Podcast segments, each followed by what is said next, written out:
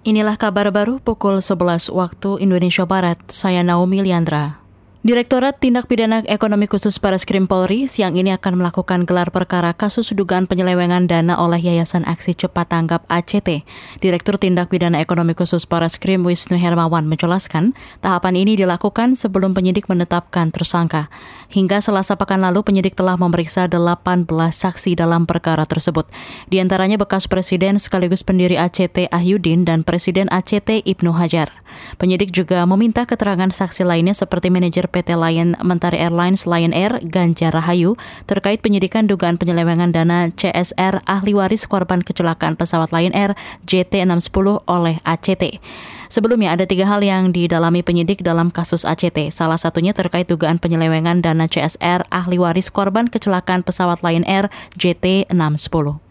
Salah seorang dokter forensik dari Rumah Sakit Angkatan Darat RSPAD Gatot Subroto akan bergabung dengan tim Perhimpunan Dokter Forensik Indonesia PDFI dalam tim otopsi ulang Brigadir Yosua Huta Barat. Panglima TNI Andika Perkasa menegaskan TNI tidak akan mengintervensi proses otopsi dan hanya mengawasi proses tersebut. Saya dengar ada keinginan apakah dari tim pembela hukum atau dari pihak Polri yang jelas kami siap. Kami siap karena memang kami punya sumber daya manusianya. Kami juga punya rumah sakitnya seandainya diperlukan. Dan ternyata salah satu dokter kami, forensik kami memang dipilih oleh perhimpunan tadi. Jadi perhimpunan ini kan yang juga isinya adalah mereka-mereka yang kompeten, senior, yang kemudian menjaga kode etik dan seterusnya, kualitas. Itu tadi Panglima TNI Andika Perkasa.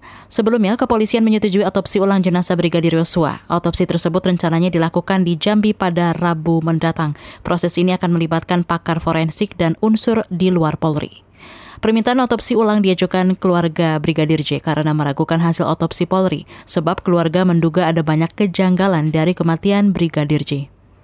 Sektor pariwisata saat ini tidak bisa lagi dipisahkan dari sektor kesehatan. Karena itu perlu peningkatan fasilitas kesehatan serta kompetensi tenaga kesehatan. Kepala Dinas Kesehatan Bali Inyoman Gede Anom menilai peningkatan itu dapat semakin mendorong sektor pariwisata kembali bergeliat. Penyediaan tenaga kesehatan yang bermutu adalah salah satu bagian terpenting dari upaya peningkatan akses pelayanan kesehatan yang berkualitas bagi masyarakat. Dalam rangka mewujudkan sumber daya manusia yang berkualitas dan berdaya saing, maka kesehatan bersama-sama dengan organisasi profesi dapat membantu dan membina profesi dalam peningkatan mutu SDM di bidangnya masing-masing. Kepala Dinas Kesehatan Bali Inyoman Gede Ano menyebut masyarakat saat ini sudah lebih peduli terhadap kesehatan termasuk dalam hal kunjungan wisata. Sehingga wajar bila tuntutan pemenuhan layanan kesehatan yang maksimal juga meningkat. Demikian kabar baru KBR, saya Naomi Liandra.